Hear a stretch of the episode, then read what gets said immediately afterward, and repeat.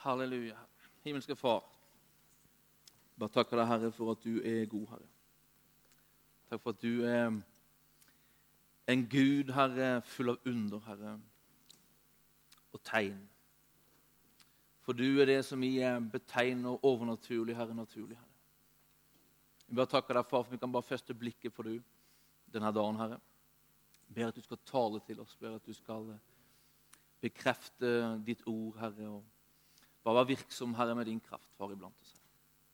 Vi bare gir deg, Herre, denne stunden, far, og bare ber, far, at du skal få bli levende for oss og bli stor for oss. I Jesu navn. Amen.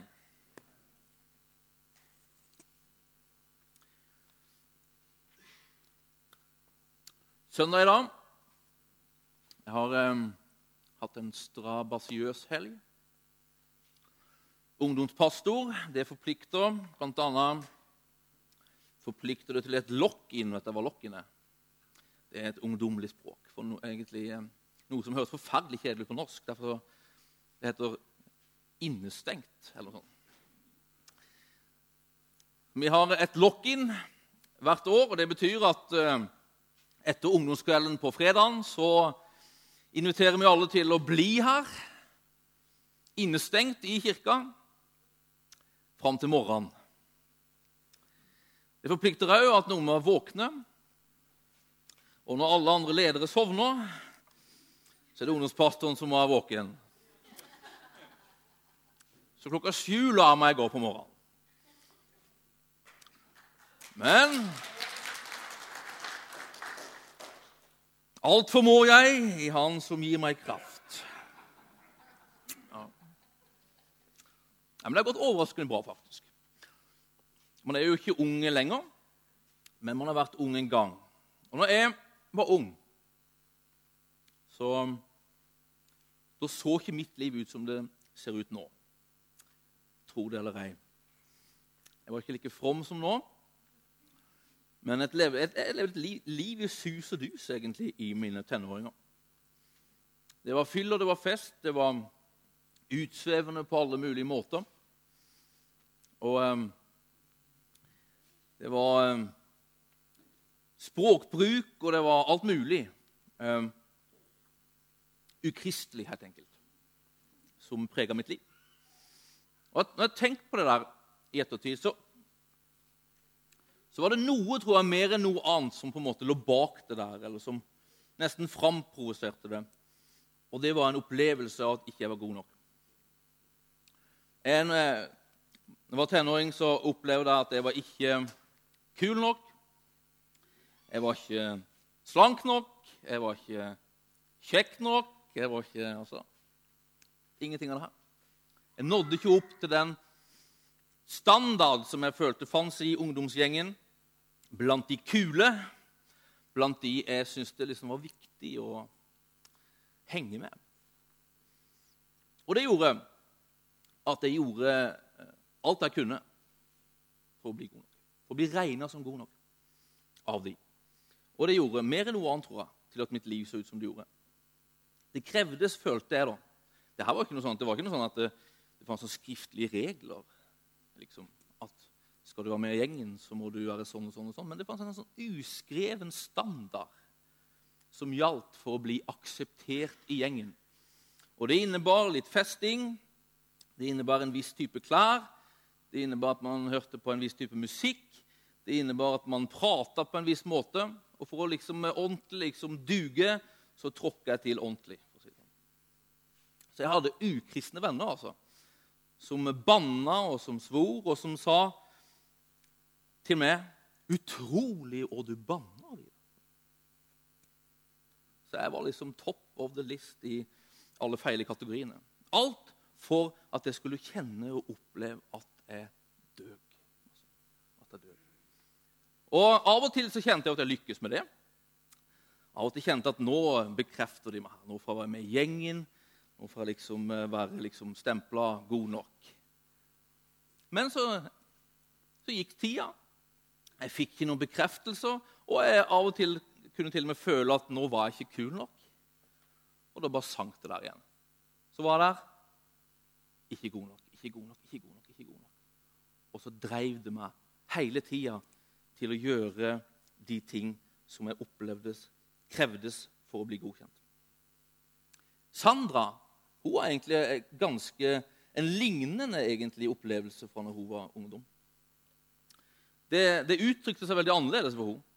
Men hun hadde en, en tenåringstid prega av at hun på en måte var stempla som utenfor og var utstøtt pga. at hun at hun levde liksom eh, litt sånn bibelskoleforeldre bibelskoleforeldre Mammaen hennes gikk på bibelskole, så det levde et spesielt liv. Det er et spesielt liv å gå på bibelskole. Det er verdt det, men det er spesielt. Eh, og så eh, gikk hun i feil menighet. Og så var hun kristen. Og masse annet som ikke kvalifiserte for tilhørighet og aksept i den liksom kule gjengen. Hos liksom, eh, resultatet av det for hun var ikke på en måte at hun, at hun levde liksom et liv der hun prøvde så godt hun kunne å nå opp. Hos, eh, liksom, resultatet av, det i hennes liv var at hun på en måte meldte seg ut. Hun ville bare unngå folk. Hun opplevde at alle bedømma henne og dømte ut henne. Så hun kunne gå og bare ville være usynlig.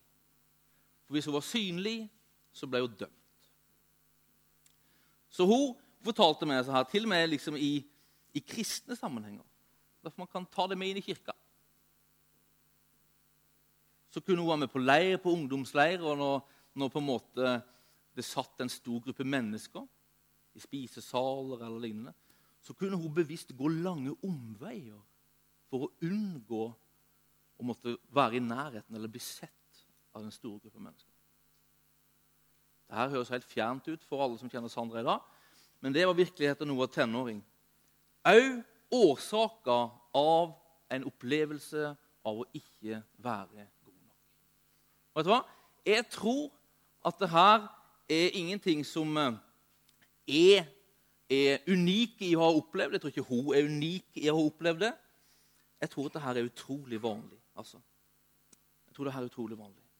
Når man lever i denne verden, så omgås man nesten med forskjellige standarder som det på en måte nesten kreves at vi når opp til for å være gode nok. Og Jeg tror vi kjenner på det egentlig alle mann. Det fins standard for hva som på en måte er, er godt nok på jobben. Er det noen som har opplevd det? Det fins en viss standard for å være god nok på jobben. Det gjør det. Du må være effektiv, du må være rask, du må være hyggelig i kollegegjengen. Mange sånne ting.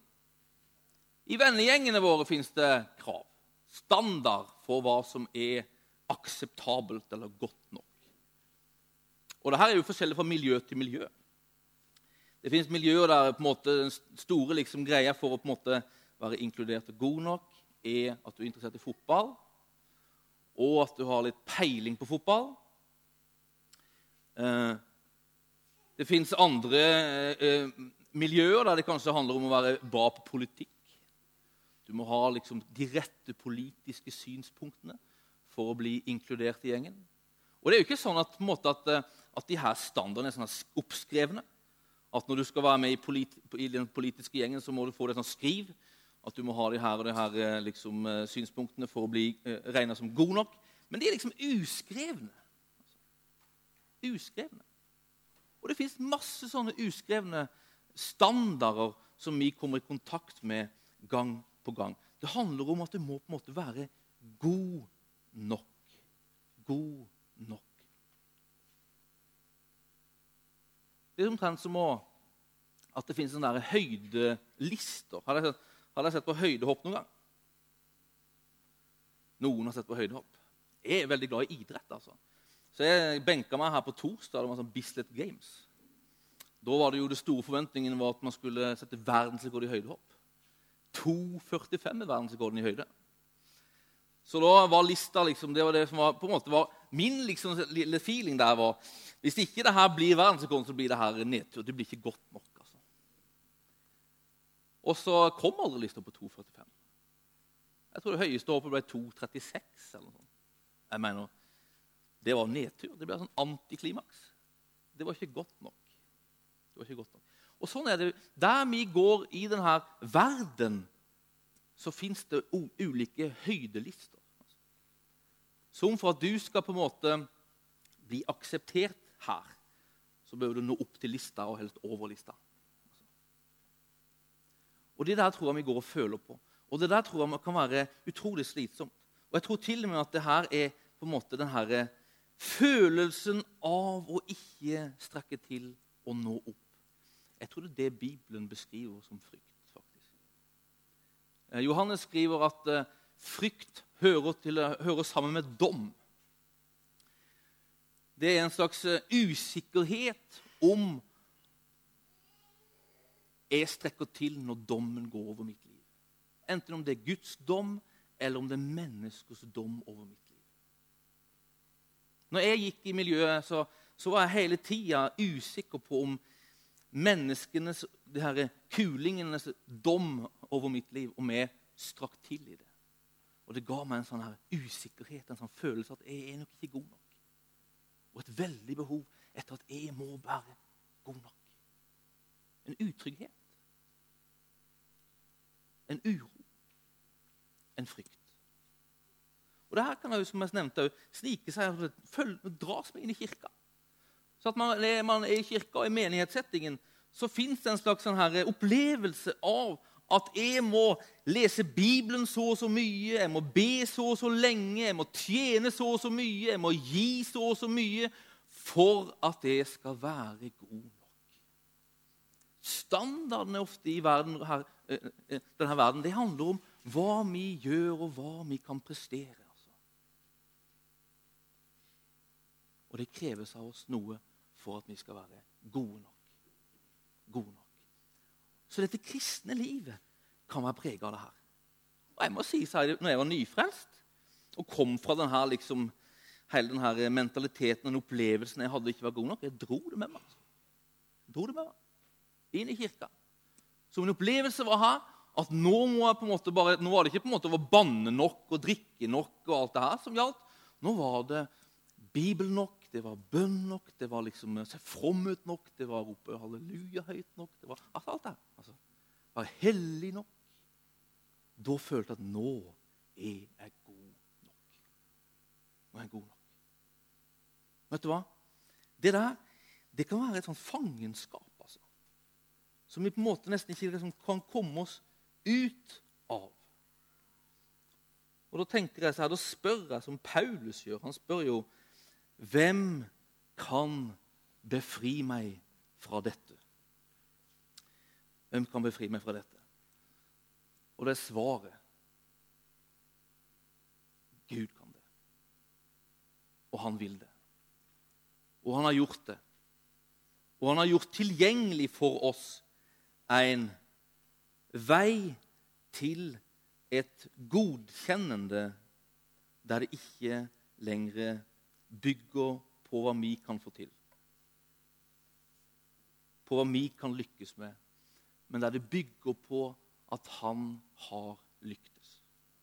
Han har lyktes. Og det her er tror jeg, altså, evangelium. Det er det glade budskapet om at Gud har beredt en sånn vei. En vei til et godkjennende som ikke bygger på om vi kan få til eller ikke få til, men der det bygger på at han har fått det til. Der han har fått det til. At han ønsker å føre oss inn i et rike der det er annerledes enn denne verden. Og han ønsker å gjøre det allerede nå. At det er der vi på en måte skal, skal finne vår, vårt hjem vår trygghet, vår tilhørighet. Det her er her vi skal finne de på en måte premissene og betingelsene som vi skal leve under. Det er her vi skal finne høydelista som vi skal forholde oss til. Altså. Det er et rike der det er annerledes. Det er et rike der vi er elska fordi vi er. Vi er elska fordi vi er skapt av ham til likhet med ham. Vi er skapt for å stå innenfor ham i nærværet av Han. Det er et rike der det er suksess. Det stå i hans nærvær. det å leve i fellesskap med Han, det er suksess. Det er det vi er skapt for. Det er det Gud ønsker å føre oss fram til. Det er målet for egentlig liksom, tilværelsen. Det er at mennesket, du og vi, skal stå innenfor Han i fellesskap med Han. Der vi får være del av Hans rike. Der Han er, og der vi får være med Han. Det er det Gud har beredt for oss, og det er dit han ønsker å føre oss. Men vet du hva? Det er likevel ikke et rike uten en standard. Altså, Det handler ikke på en måte om at, om at det liksom er bare sånn her eh,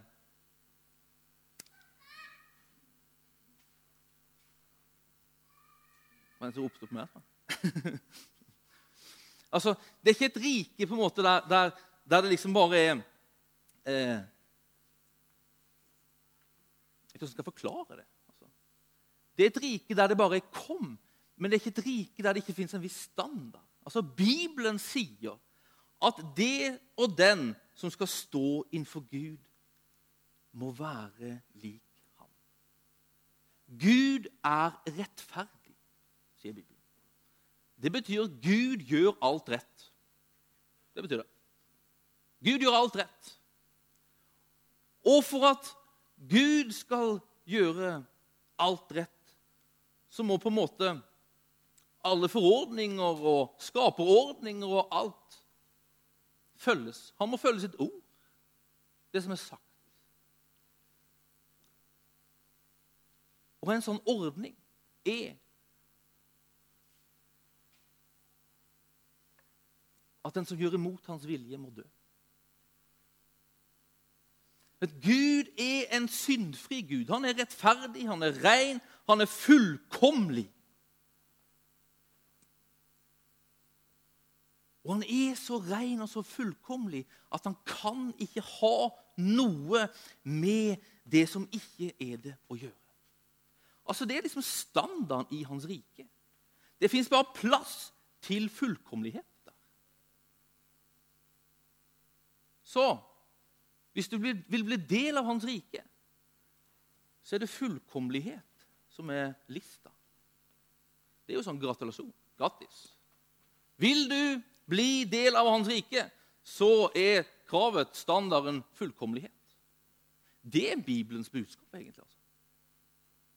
Fra første stund så sier Gud til Adam og Eva Hvis du eter av det her treet som jeg har sagt at du ikke skal ete av Altså Hvis du er ulydig, hvis du er, er, er, gjør imot mitt ord, hvis du ikke når opp til den standard jeg har sagt, så må du dø. Ikke fordi han liksom vil det, elsker å se liksom folk eh, pines og plages og, og dø. Nei, fordi hans natur krever det. Hans natur krever det. Så det er standarden i hans rike. Det er lista. Og Den lista den er åpenbart i den lov som Gud har gitt, som gal til Moses, til Israels folk, der hans vilje ble beskrevet, der hans natur ble beskrevet, og der en instruksjon ble gitt til folket gjør så, og du skal leve. Det den egentlig sa, var vær lik meg, og du skal leve. Men Bibelen sier at det, det er ingen som kan det. Mennesket kan det. I det øyeblikket på en måte der, der mennesket var ulydig mot Gud i Edens hage, så står det at synden kom inn i verden. Synden kom over mennesket, og det gjorde at mennesket kunne ikke gjøre det Gud krevde. Paulus sier at på grunn av synden så kan ingen klare å nå opp til den standard som fins for et liv i Guds rike. Fullkommelighet.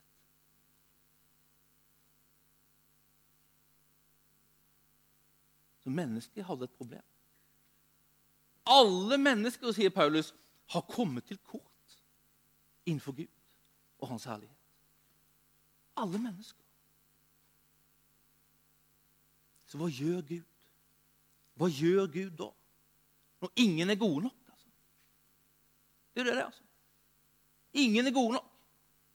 Han har skapt mennesket for fellesskap med seg sjøl. Han har skapt det for liksom å, å, stå innenfor ham. Det er sjøle hensikten med mennesket. Det er målet for menneskets eksistens. Og så har mennesket gått bort fra Gud, sluppet synden inn, så at mennesket ikke lenger kan nå opp til den standard som Guds natur krever. Alt ureint som kommer i kontakt med Gud, hans renhet, hans fullkommenhet, blir støtt bort. Altså, Gud kan ikke noe for det, for å si det sånn. altså. Hva gjør han? Jo, Bibelen sier at han sender sin sønn. Sjøl Gud hit ned for å berede en løsning for å berede et godkjennende som ikke bygger på hva vi må få til. Som ikke bygger på at vi må nå opp til en standard vi ikke kan nå opp til. Men som bygger på at han kommer ned. Hopper over lista. Lever et liv uten synd. Gjør alt det som kreves for en plass i Guds rike. Og så tar han den straffen som er den rette straffen for alle mennesker, nemlig døden. Alle mennesker har synda. Alle menneskers rettmessige straff er døden.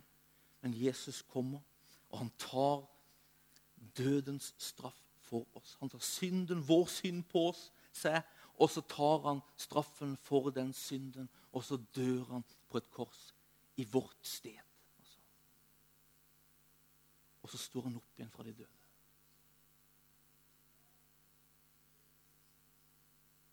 For å tilby oss det livet som han har levd for oss.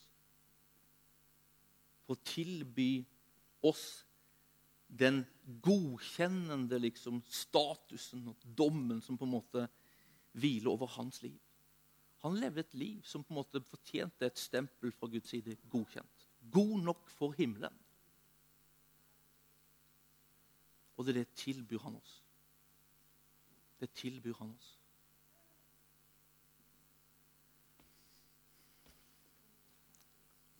Jeg har to frivillige her i dag. Ole Georg er frivillig. Du er glad i å stå her foran Frode. er glad i å stå her foran.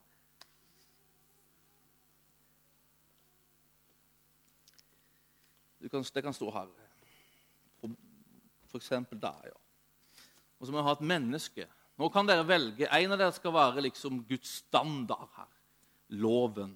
Det som kreves for å komme inn i Guds rike, inn i himmelen. Frode er det. Er full, du er full av krav, Frode. Nå kan du få være Jesus. Ja, det er fantastisk. Som er et menneske det var en litt liten menneske. Svein Egil, du kan, du kan være liten nok. Jeg tenkte å bruke Eddie, men jeg er redd han rekker opp dit han ikke skal rekke opp. Det som skjer nå, det er på en måte Mennesket står i tilværelsen, på en måte. Målet for mennesket er å komme inn for Gud. Inn i hans eh, nærvær. Altså. Kravet er fullkommelighet. Mennesket har havna under synden. Hun kan ikke la være å gjøre imot hva Gud vil. Hun klarer ikke å gjøre alt fullkomlig som Frode her altså krever. Guds standard krever fullkommelighet. Han er fullkomlig. Hold opp handa, Frode, sånn høyt. Der er lista som eh, mennesket skal forsøke å nå opp til for å komme inn i himmelen. Svein Egil, kom nå. Skal du forsøke å hoppe for ikke å bruke hendene når skal skal hoppe opp og skalle i den der. Klarer du det? Det er menneskets forsøk altså, på å streve seg inn i himmelen. Det går ikke, altså. Det går ikke. Altså. Og mennesket går der og kan ikke. Altså. Og Gud ser på og kan ikke bare senke lista. Fordi hans natur krever fullkommelighet. Hele ordningen krever fullkommelighet. Gud er rettferdig. Han gjør allting rett og må gjøre allting rett. Hvis synd fortjener død, så krever Guds rettferdighet altså, at han gjør alt rett. Så han må straffe synd med døden. Man sier alltid at Gud kan alt, og det er rett. Med visst forbehold. Gud kan ikke gå imot seg sjøl. Kan aldri gå imot seg sjøl. Så Gud kan ikke senke lista. Gud kan ikke la være å straffe synd. For det er den rettmessige straffen. Den rettmessige straffen for synd er døden. Men han har en utvei. Og Bibelen sier at han har, han har beredt det her. Han har planlagt det her. Altså, fra første begynnelsen av. Han har aldri tenkt å på en måte la mennesket bare stå der og ikke nå opp og ikke kunne komme inn. Han har beredt en utvei, og den utveien er å sende sin sønn Jesus Kristus. Ole Georg her, som kommer ned, og som går, lever et liv uten synd. Altså Han oppfyller alt som kreves av et menneske. Oppfyller alt som kreves av et menneske. Så når Ole Georg har levd sitt liv, så kan han bare klive rakt inn i Guds rike. I fars favn, der han kom fra. Men vet du hva? Det er ikke det som er Guds plan.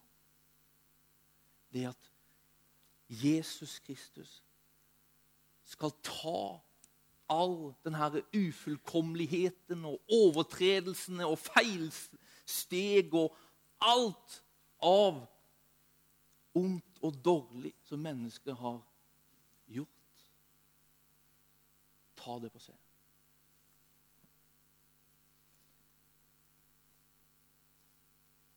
Så han tar det på seg, betaler prisen for det og dør.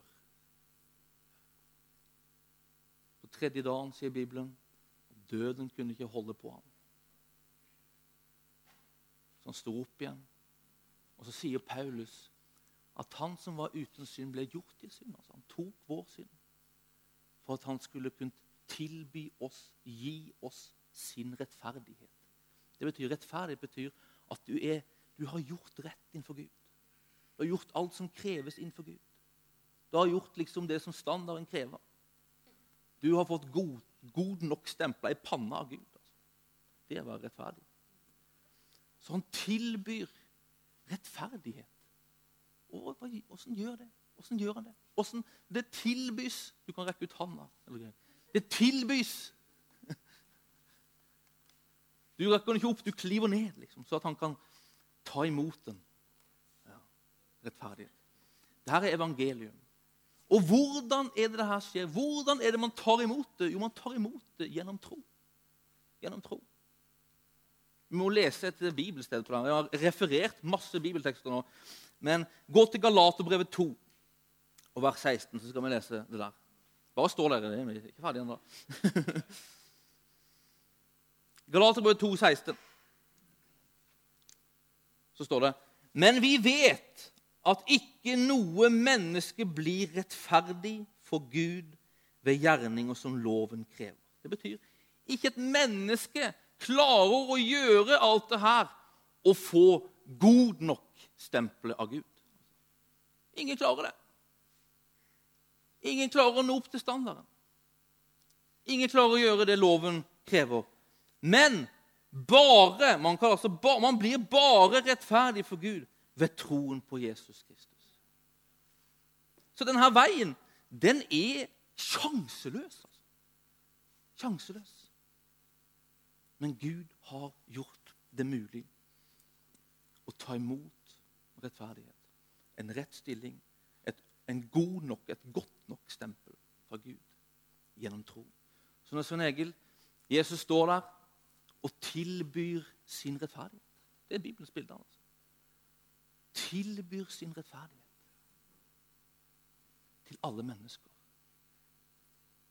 Og den som tror på det, den som velger å stole på det, får den rettferdigheten tilregna.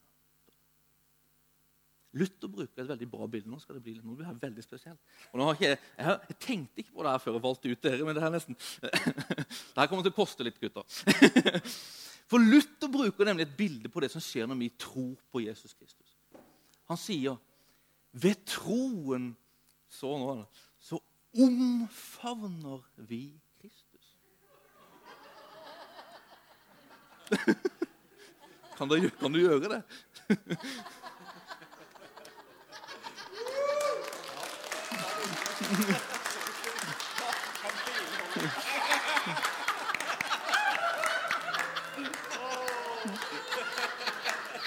Ved troen så omfavner vi Kristus. Så, så kobles vi med Kristus. Så blir vi nesten sånn ett med Kristus. Det står at vi havner i Han, og det står at Han flytter inn i oss. Altså. Og Det som skjer da, det er at Gud bedømmer deg ut fra hvem du er med. Så det er ikke lenger ditt liv som blir bedømt når Gud skal bedømme ditt liv. Når Gud skal bedømme om du når opp til standarden for å komme inn i Hans rike, så er det ikke lenger ditt liv som blir bedømt, men det er hvem du er med. Og Ved troen så har du omfavna Kristus. Så du får på en måte følge med Kristus inn i den plass og posisjon som Kristus har innenfor Far i himmelen, for du følger med. Så du får det stempelet i panna som Kristus har. God nok. Taddan, god nok. Og Det betyr at du kan følge med altså, inn i Guds rike. Paulus sier så her at, at eh, Sønnen, altså Jesus Kristus, han har ført meg fra mørket og inn i hans underbare lys. Det tror jeg var svensk. men i hvert fall, det står det. Vidunderlige lys. Altså. Inn i Hans rike følger vi med når vi er omfavna Kristus. Det er evangelium. Det betyr at når vi har omfavna Kristus, så er vi innenfor Gud stempla god nok. God nok. God nok. Jeg kan uh, sette det. En applaus. Det var virkelig en applaus.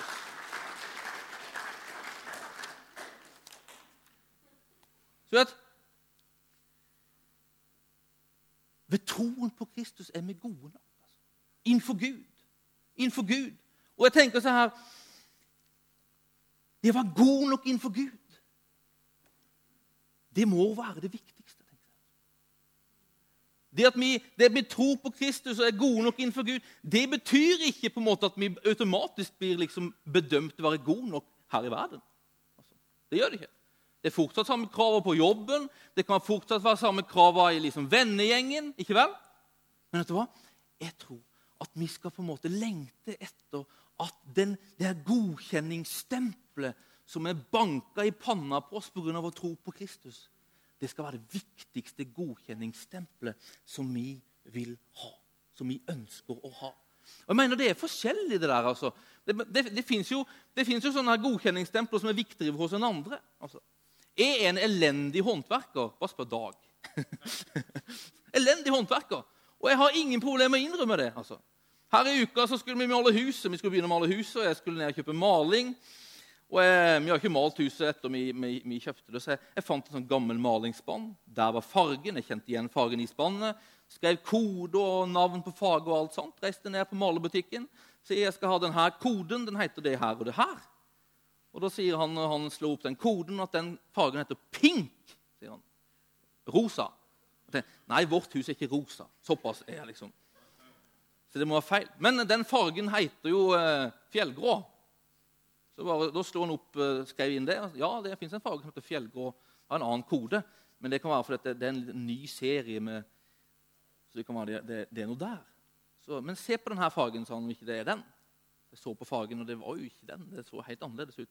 Men jeg tenkte jo, det må jo være, den heter jo det samme. Så det må jo være den. Og jeg tenkte, jeg alltid sånn, kan være litt kjapp når det gjelder sånne ting som jeg ikke liker å gjøre. Jeg tenkte, Bare få kjøpt malinga. Det er sikkert rett. Så jeg kjøpte 10 liter maling. 1300 kroner. Må, kan ikke bytte, sto det på. Nei da, det behøver vi ikke. Jeg kom hjem og skulle begynne å male. Åpna det her spannet. Det så fortsatt ut som en helt annen farge enn den vi hadde på veggen. Ja, Men det kanskje forandrer seg når vi får den på veggen, tenkte jeg. Så jeg begynte der nede. Jeg var smart nok til å ta nede bak hverandre, så ingen ser det. da. Men der malte jeg, og det var helt feil farge. Så jeg sa Sandra, kom ut. Er det der rett fag? Nei, så Og så bor jo Idun og Erik hos oss. Eller Idun bor der, men Erik var der.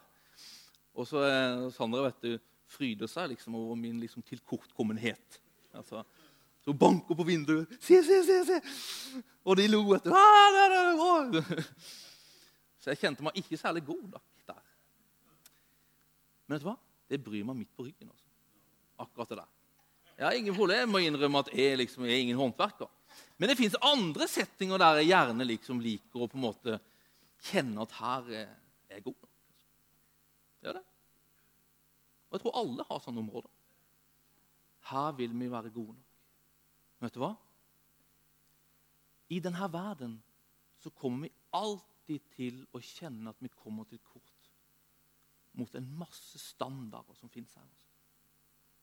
Og da tenker jeg Da tror jeg det er viktig at en rettferdighet, det her god nok-stempelet som Gud har satt på vår panne pga. vår tro på Jesus Kristus, det må være det viktigste. Det må være der. Det må være en trygghet på det som fins i oss, som vi på en måte kan falle ned på, hvile i. Så at når jeg kjenner at det rekker ikke til her, jeg er ikke kul nok, jeg er ikke kunnskapsrik nok for denne liksom, settingen jeg er i nå, men jeg vet her inne har jeg en trygghet om at jeg er gjort, erklært, rettferdig, god nok av Gud fordi jeg tror på Jesus Kristus. Du vet, Ditt forhold til Gud bygger ikke på hva du gjør eller ikke gjør. Det bygger på hva han har. Og jeg vil si så her, Luther kalte det her, det verset som vi leste fra Galatbrevet 2, han kalte det kristendommens sanne vesen. This is it. Og Det var Luther som sa det, det var ikke Paulus, så det behøver ikke være enig med ham. Men jeg tror at det her er en sånn herre du vet, Bibelen beskriver våre liv som et byggverk. At Gud bygger våre liv. Og jeg tror at som et byggverk behøver en solid grunnmur for å bygge et stabilt og solid verk oppå så er det her en del av vår grunnmur. Som Gud må få bygge i oss. En trygghet om at vi er rettferdige, gode nok for Han. Så at i vårt forhold til Han så handler det ikke for oss om at vi må lese Bibelen nok eller streve for at Han skal godkjenne oss. Men det handler om at vi, fordi Han faktisk har godkjent oss, av ren nåde, som en gave. Av takknemlighet til det, fordi vi innser det, ser det. I takknemlighet gjør hans vilje. Tjener han. Følger han. Forkynner han. Så det er vår tjeneste, vår gjerning for ham. Det er ikke for å få hans godkjennende, men det er for de. En takknemlighetshandling for de. han har godkjent oss ved troen på Jesus Kristus. Åssen gjør man det? Åssen får man denne liksom, tryggheten? Jeg tror den tryggheten det er tillit eller tro, kall det hva du vil. på det. Og den tilliten og den troen tror jeg at Bibelen peker på skjer ved på en måte at det her blir forkynt. Fortalt deg. Og at det blir fortalt deg så mange ganger at du tror det. Det betyr at det er, sånn det her er jo sånn her basic, egentlig. Grunnleggende. De fleste har hørt det før, har de ikke det? Men vet du hva? Man har ikke hørt det nok før man er 100 trygg. Jeg er ikke der. Derfor forkynner jeg for meg sjøl i dag. Jeg forkynner det stadig vekk. Når jeg tenker på det, her, så påminner jeg meg om det. Og jeg tror vi skal være dyktige på å påminne hverandre. Altså. Ha en slags liksom, klima blant oss der vi påminner hverandre. Øystein har sett gjør det stadig vekk på, på, på, Facebook.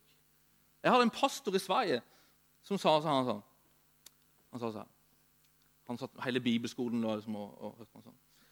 Ha, vil dere se en 100% rettferdig mann?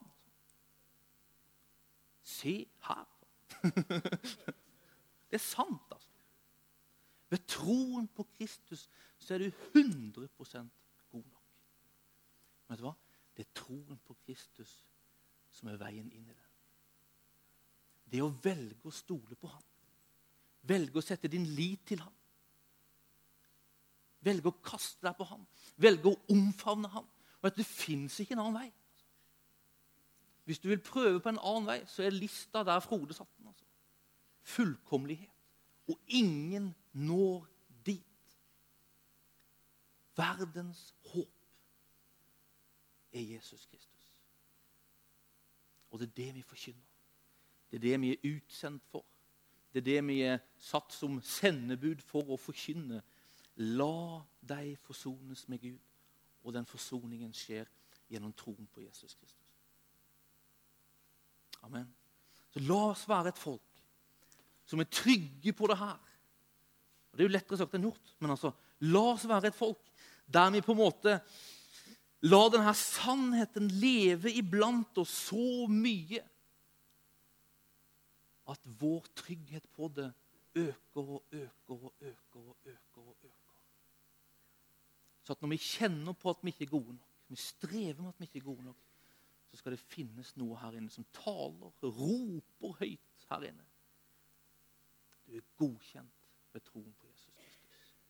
Og så skal vi ta den sannheten til verden og peke på at det fins en vei til et fellesskap med Gud, der du kan bli bedømt være god nok. Som ikke bygger på hva du kan få til, men som bygger på hva Jesus Kristus har gjort for du. Amen. Himmelske Far, takk for at du er god, Herre. Takker deg, Far, for det du har gjort, Herre, for oss gjennom din Sønn, Herre. Vi bare ber, Herre, at du bare skal åpenbare det her for oss. Far. At vi skal se det, forstå det liksom her inne. Far. Bli trygge på det her inne, få tro på det her inne, stole på det her inne. At vi er erklært rettferdige, gode nok, Herre, ved at vi tror på Jesus Kristus. Vi takker deg og deg. Og la dette ordet bare få elte i oss, far. Få trenge fra hodet ned i hjertet og bare slå rot der og bare vekke en sånn tro og tillit og overbevisning på det her inne, far. Så at vi kan stå på det. Ha det som utgangspunkt i livet, der vi hver dag kan bare stå opp, se oss i speilet og bare fryde oss her inne for at vi er erklært rettferdige, godkjente, gode nok, Herre, av du. Vi priser deg, vi ærer deg og lover deg. I Jesu navn. Amen.